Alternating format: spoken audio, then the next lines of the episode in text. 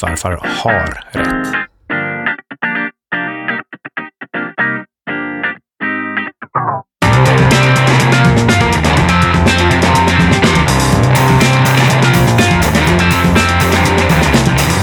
Det har blivit dags för sjunde avsnittet av 25 minuter med Syding och Sundström. Programmet om klyftiga mentala modeller. Jag heter Carl Mikael Syding, den överblivne förvaltaren. Med Inte ha... efterblivna? Nej, för det låter så illa på svenska. Ja. Med mig har jag, som ni hör, som alltid, Ludvig Sundström, mannen med två hemsidor och en halv bok. ja, det går inte att säga emot. Idag ska vi prata om feedbackloopar. Till exempel hur eh, kvantitativa lättnader leder till kvantitativa lättnader beroende och ännu mer kvantitativa lättnader. Har du gjort något kul idag, Ludvig? Nej. Okej, okay. då återgår vi till vårt tråkiga program istället då. Ja, men jag tycker det är ganska kul med det här programmet. Jag har sett fram emot det hela dagen. Mm, jag eh, grämer mig hela dagen inför att sätta mig framför mikrofonen. Men det är olika. Ja, men det är för, du, det är för jag jobbar bara. Du, vad gör du om dagarna annars? ja, har du något att komma med, Ludvig? Ja, jag, jag har en del att komma med i dagens avsnitt där vi ska prata om eh, feedbackloopar och bubblor och sånt. Eh, om jag ska komma med någonting klyftigt till att börja med här. Jag vill bara inflika först att bubblor är alltså icke uthålliga mönster i finansiellt beteende eller annat beteende. Mm. Jag tror att när det kommer till bubblor i allmänhet så eller jag vet inte om jag ska säga att jag tror det, men jag, jag, undrar hur många personer i allmänhet som förstår vad en bubbla verkligen är. För att jag, alltså man har ju ofta hört i hela sitt liv, oj det är en bubbla, det är en bubbla. Men ärligt talat, jag personligen fattade inte vad en bubbla var verkligen. Eller hur det funkade, eller någonting av grejerna vi ska prata om idag. Jag förstod ingenting av det här upp till jag var kanske 20, ja låt oss säga 20 år. Då jag började läsa på om ekonomi, österrikisk ekonomi och eh, makroekonomi och annat. Jag pluggade ju ekonomi i och för sig, men till exempel österrikisk ekonomi får man ju inte lära sig i universitetet. Det är som med det mesta. Just nu så tror du kanske att du har förstått det här med bubblor. Medan jag har gått ett steg till och börjat tveka på om jag, om jag faktiskt förstår vad en bubbla är för någonting. Mm, Man kan bra. ju definiera dem i efterhand. Att om de spricker, då var det en bubbla. Men då har liksom definitionen ingen poäng. Sen nästa fråga blir, är det någon skillnad på bubblor och cykler? Ja, det skulle jag vilja säga att det är. Det som jag tänker att vi ska ta upp nu. I alla ja. fall som jag har en liten teori om. Varsågod. Okej. Okay. Eh, så här tänker jag mig att det går till. Först så har du en lukrativ verksamhet som sen blir till en trend som sen blir till en bubbla. Och om man tänker sig lite mer hur det går till så Först så har du någonting som lyckas bli en trend av någon anledning. Det är någon slags lukrativ verksamhet. Någonting man kan tjäna pengar på. Ett sätt att uttrycka det på det är att bubblan har en kärna av sanning. Någonting konkret och äkta i botten. Ja, exakt. Och det måste inte vara nödvändigtvis att det är vinstgivande för alla som håller på med det. Men det är någonting som får folk att vilja vara med så att det kan bli en trend. Och den här trenden den skapas via att den här äh, lukrativa verksamheten för någon blir populariserad via äh, kanske oftast skicklig marknadsföring, propaganda eller spridning av information. Och om det går bra, då kan det skapas en slags feedback loop som vi då äh, nämnde i avsnitt 5 tror jag, om konformitet och sådär. Och då brukar också bankerna ansluta sig till den här feedbackloopen och erbjuda lättare krediter till det här spännande området som tydligen växer och är Exakt. framtiden. Exakt. Och inte bara bankerna utan i allmänhet investerare blir ju intresserade så fort de ser någonting som de tror kan vara vinstgivande. Och vad tror de kan vara vinstgivande? Ja, om, om det är folk som har spridit information på rätt sätt så att det verkar som ett riktigt bra case som man vill investera i, vilket kanske inte alltid är. Micke, du gillar ju att använda ordet eh, story stocks. Och det är ett ja. jättebra exempel på det. Ja, de har ju då förstås en kärna av sanning och sen en eh, intressant teknik eller produkt. Och de... Eh, eh men eh, tyvärr så bygger de ju oftast bara på eh, förhoppningar om den här produkten och inte, inte lika tydligt förankrade till den faktiska försäljningen och framtiden för den. Utan det, eh, det är därför de heter story stocks, för att det är, det är, en, det är en intressant och spännande historia kring, kring hur den här produkten skulle kunna bli i framtiden. Och ofta så räcker det ju så, det räcker med förtroendet. Det är lite som om man drar en analogi till eh, banksystemet och ekonomiska systemet. Alltså att fiat money, alltså låtsasvalutor som vi handlar med, sedlar och sånt. Det, det behövs egentligen bara att folk tror på det för att det ska funka som eh, pengar att använda och byta saker med. Och det är ju kanske utanför just det här programmets det det eh, utrymme, men, men, men det, det, är, är väldigt spännande att du kallar pengar för en storystock. Ja, det, inte just pengar då, men... Eh, men jag håller ju med. Ja, men du, du förstår vad jag menar. Och ja. eh, så länge folk tror på det så funkar det för massorna liksom. Och... Eh, det är inte bara att det är... Det här är alltså inte påhitt, utan det blir en, en rationell positivism av det här oftast. Allt är ju inte storystocks, utan du, du har en en konkret produkt, en kärna av sanning. Du drar till dig intresse och kapital både från investerare och slutkonsumenter. Och då blir det tillväxt och då är också området värt mer. Så det är en, det är en, det är en rationell positivism i början. Mm. Det, är, det, är, det är just det som är grejen med feedbackloopar. Att eh, det behöver inte grunda sig i någonting till en början. Men om tillräckligt många personer börjar göra det och det blir självförstärkande så kan det faktiskt få värde eller åtminstone tillfälligt få värde innan bubblan brister. Och min poäng med allt det här var i alla fall att efter att en tillräckligt stark feedback loop skapats av någon anledning och den fortsätter länge nog så kan det skapas en bubbla. Och bubblan kan handla om, det kan vara inom vilket område som helst, det måste inte vara inom en hel bransch. Och just i finansiella sammanhang och när det gäller aktier så övergår den här rationella positivismen förr eller senare i irrationell positivism. Då eh, köpen blir mer och mer lånefinansierade av de här glada bankerna som sänker kredittrösklarna mer och mer.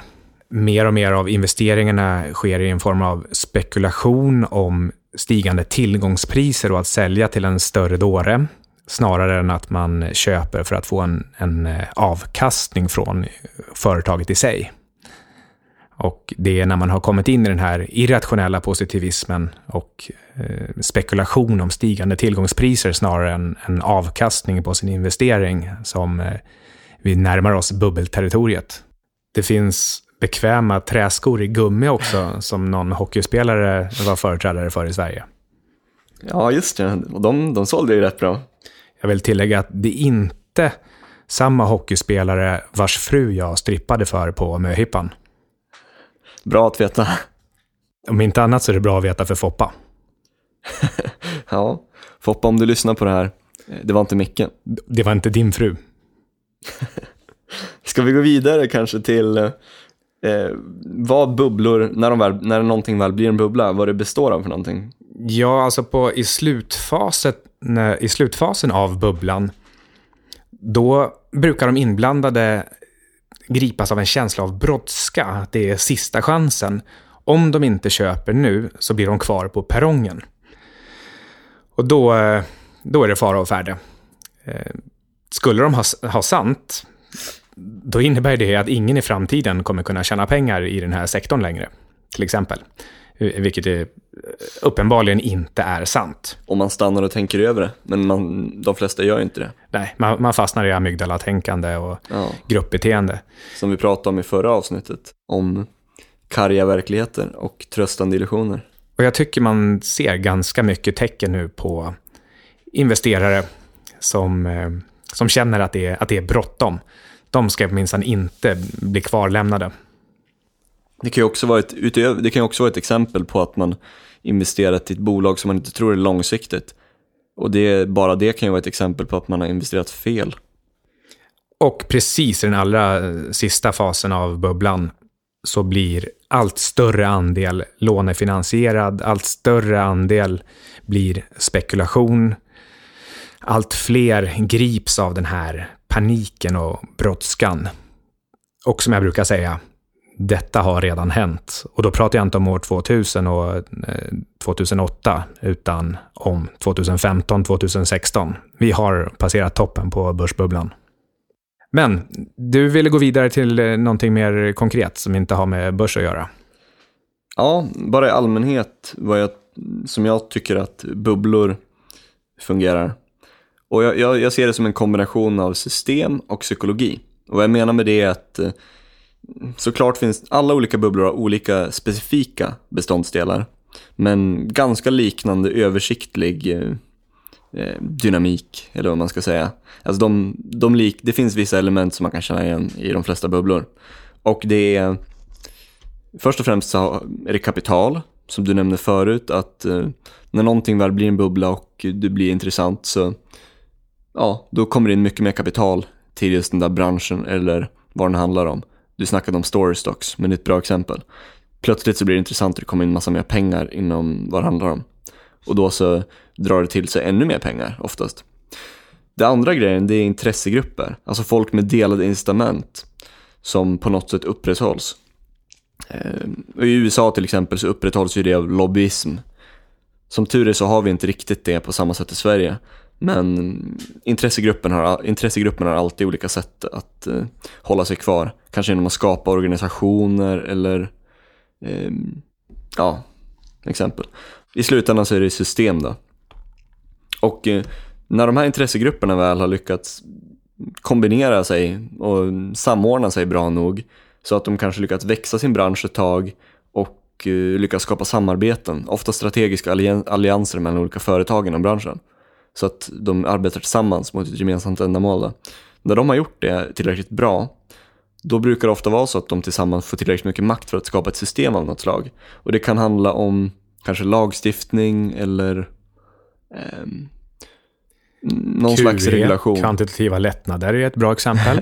ja, det är det verkligen. Det är högsta nivån verkligen. Centralbankerna vill ha mer makt. De ser till att folk blir beroende av kvantitativa lättnader ju mindre det fungerar, men desto mer de kan övertyga om att det bara behövs göras ytterligare mer, eh, då kommer det fungera. Eh, desto mer makt får de också att fortsätta med det hela. Och så går det där varv efter varv, mer och mer.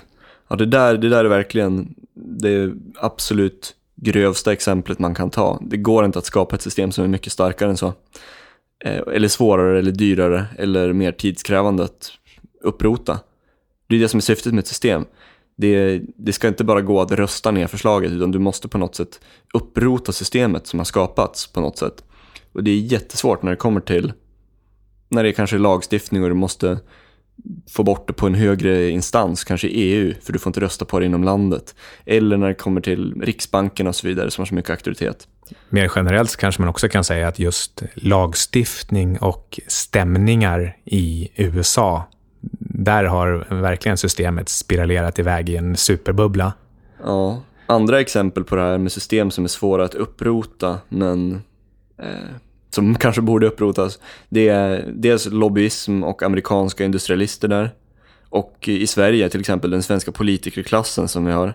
Det kanske är dags att sticka emellan med veckans visdomsord här. Vad har du att komma med nu? de, de orden står jag för. Alla bubblor spricker. Och det här tar jag direkt från Jeremy Grantham, världens bubbelexpert. Han tröttnade på snacket om bubblor så att han eh, bestämde sig för att forska på dem helt enkelt. Hur ser de ut? När var de? Vad har de för karaktäristika? Och vad händer under eller efter en bubbla. Och han kan konstatera att alla bubblor spricker. Och då pratar han inte i termer av någon slags ex post-analys, att det är efter att de har spruckit som man vet att det var en, en bubbla. Då har definitionen ingen som helst poäng. Utan det här handlar om att du definierar en bubbla på ett visst sätt, att den avviker från en trendlinje med ett visst antal standardavvikelser. Och när det har hänt, då kommer det sen också följas av att den bubblan spricker. Oj, det lät avancerat. Jeremy Grantham, en av världens allra bästa finanspersonligheter genom tiderna. Det finns all anledning att, läsa hans eh, kvartalsrapporter och eh, andra uttalanden. Inte veckans citat, men ett ganska bra citat ändå från Paolo Roberto. Något att bita i. Stockholmsnatt. ja, han, eh, Paolo Roberto har fått bita i en och annan näve. Ska vi ta och kolla varför bubblor är svåra att se i förväg? Jag kan ja. komma på tre smarta anledningar. I, alltså generellt sett. Jag kan bara komma på tre anledningar, men eh, då tar vi dina om de är tre smarta. ja, eh, du får gärna säga dina efter, men jag vill säga mina nu. Och först är, är det, det är brist på expertkunskap i allmänhet. Alltså yngre personer speciellt. Om man är ung så har man väldigt lite specialistkunskap generellt sett. Och de flesta personer som är unga har inte läst så mycket böcker heller. Så att de har inte fått till så mycket erfarenhet från äldre personer. Ett annat andra... sätt att uttrycka det på det är att de saknar perspektiv. Ja, faktiskt. Och oftast så gäller det ju som sagt expertkunskap gällande en viss bransch. Till exempel, ja, om du är 45 år eller 80 år eller någonting och du har arbetat inom, arbetat inom en specifik bransch väldigt länge. Även om du skulle vara fullkomligt inkompetent så skulle du antagligen, bara för att du varit med om det, inse vissa generella mönster som kommer under en bubbla inom just den branschen. För att du har varit med så länge. Det är svårt att undvika. Medan om du är ung och i samma bransch så kanske du inte skulle märka det. Och det tar oss till nummer två, brist på erfarenheter rent generellt sett. Alltså, ja, de flesta personer känner inte till vad de ska kolla på. De känner inte till den här modellen som vi kommer snacka om i resten av det här avsnittet. Eh, men det kommer du göra efter att du lyssnat på det här, så att då har du en fördel mot dem. Det är bra. Och när finansfarfar kommer in och varnar för att eh, nu är det en bubbla, då säger de här spolingarna, är du skotträdd farfar? Du är ju rädd bara för att du har varit med i två bubblor. Du förstår väl att det inte kommer en tredje? Mm, fast farfar har ofta rätt. Farfar har rätt. eh, nummer tre, misstolkning av orsak och verkan. Som vi då pratat om ja, ganska många gånger än så länge i 25 minuter. Först i avsnitt tre. Vad var dina tre stycken anledningar? Perspektiv, ohängda slynglar som, som gör det obehagligt att stå för sin åsikt. Och allmän ovilja att sticka ut och gå mot strömmen. Mm, bra. Det är inte kul när de eh, säger det är nya tider nu farfar. Ta ut fetvadden ur öronen. Raketost tillverkas inte längre. Smsa över bubblan. Jag skulle vilja, alltså det här med orsak och verkan. Jag skulle vilja nörda in lite mer på det. För att man kan kolla på det och tänka det på fyra olika sätt. Varför folk misstolkar orsak och verkan när det kommer till bubblor. Eh, och eh, ja, hela det här med att, missta orsak och verkan, det är ju att folk ser bara ytan. De ser bara det som är mest spektakulärt eller eh, intresseväckande eller som media skriver om. Och media skriver ju oftast om ja, det som de tycker är en bäst story helt enkelt.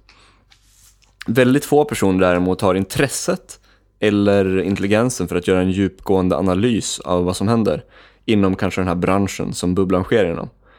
Och eh, anledningen då till att så få personer gör djupgående analysen och bara ser ytan där, det är fyra stycken anledningar här. Och eh, då är det först som jag ser det på det, först är det survivorship bias och girighet.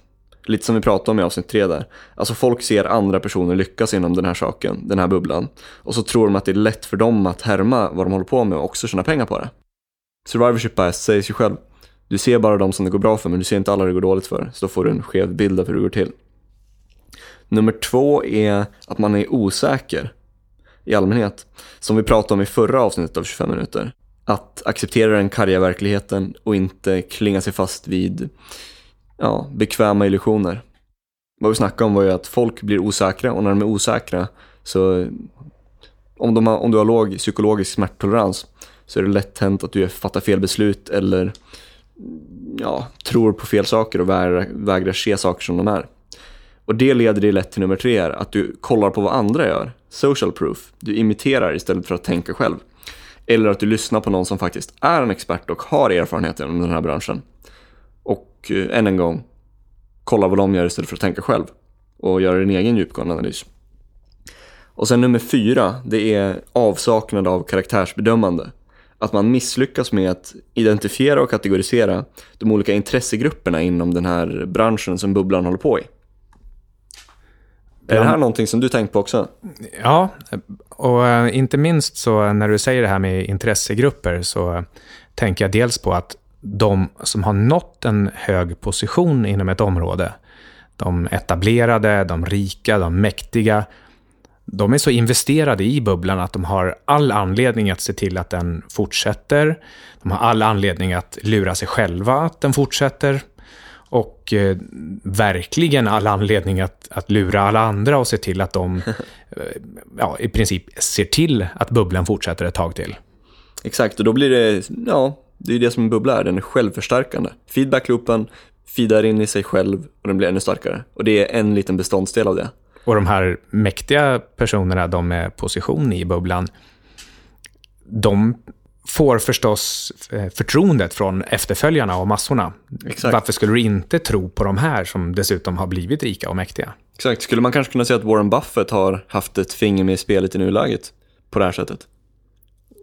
Ja, eh, i och med att han har varit så, så positiv under den här uppgångsfasen och sagt att allting går rätt till. Så eh, ja, varför, varför skulle man inte tro på det som eh, mannen på gatan? Han har ju haft rätt förut, han är världens rikaste. Men ja, En av dem i alla fall. ja.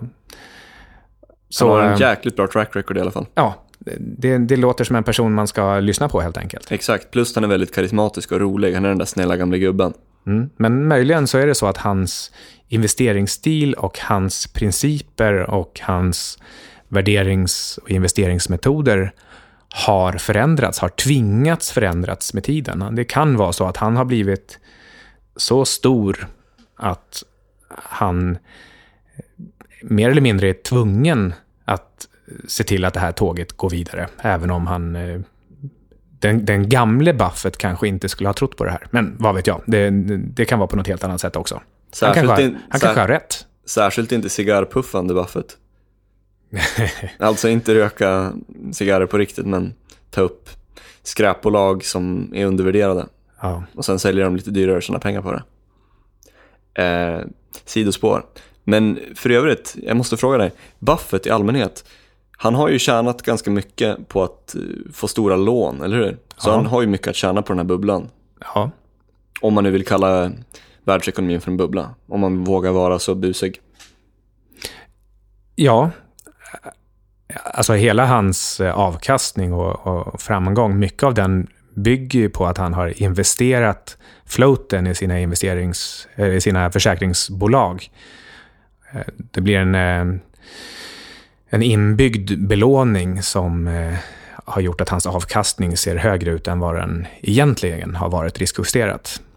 Ehm, Och sen har han även eh, här på slutet haft eh, fingrarna djupt in i Goldman-syltburken och Ja. centralbankssyltburken. Eh, och har tagit bett på eh, helt enkelt att hans kompisar ska rädda bolagen han eh, investerar i. Ännu en anledning till att småspararen kanske inte kan härma Buffett. Warren Buffett får avsluta första delen om bubblor och rekursiva loopar. Nästa vecka fortsätter vi med de fyra intressegrupperna i en bubbla. Från förändringsfientliga till blinda följare. Då presenteras även veckans tips och veckans bok. Ray Kurzweil får också vara med på ett hörn.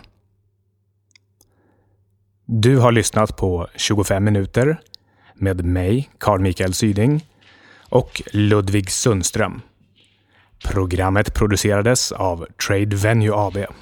Följ oss gärna på Twitter, handle at 25 minuter.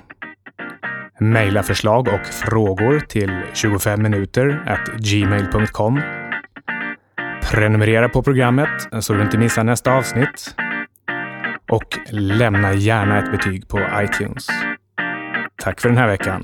Hej!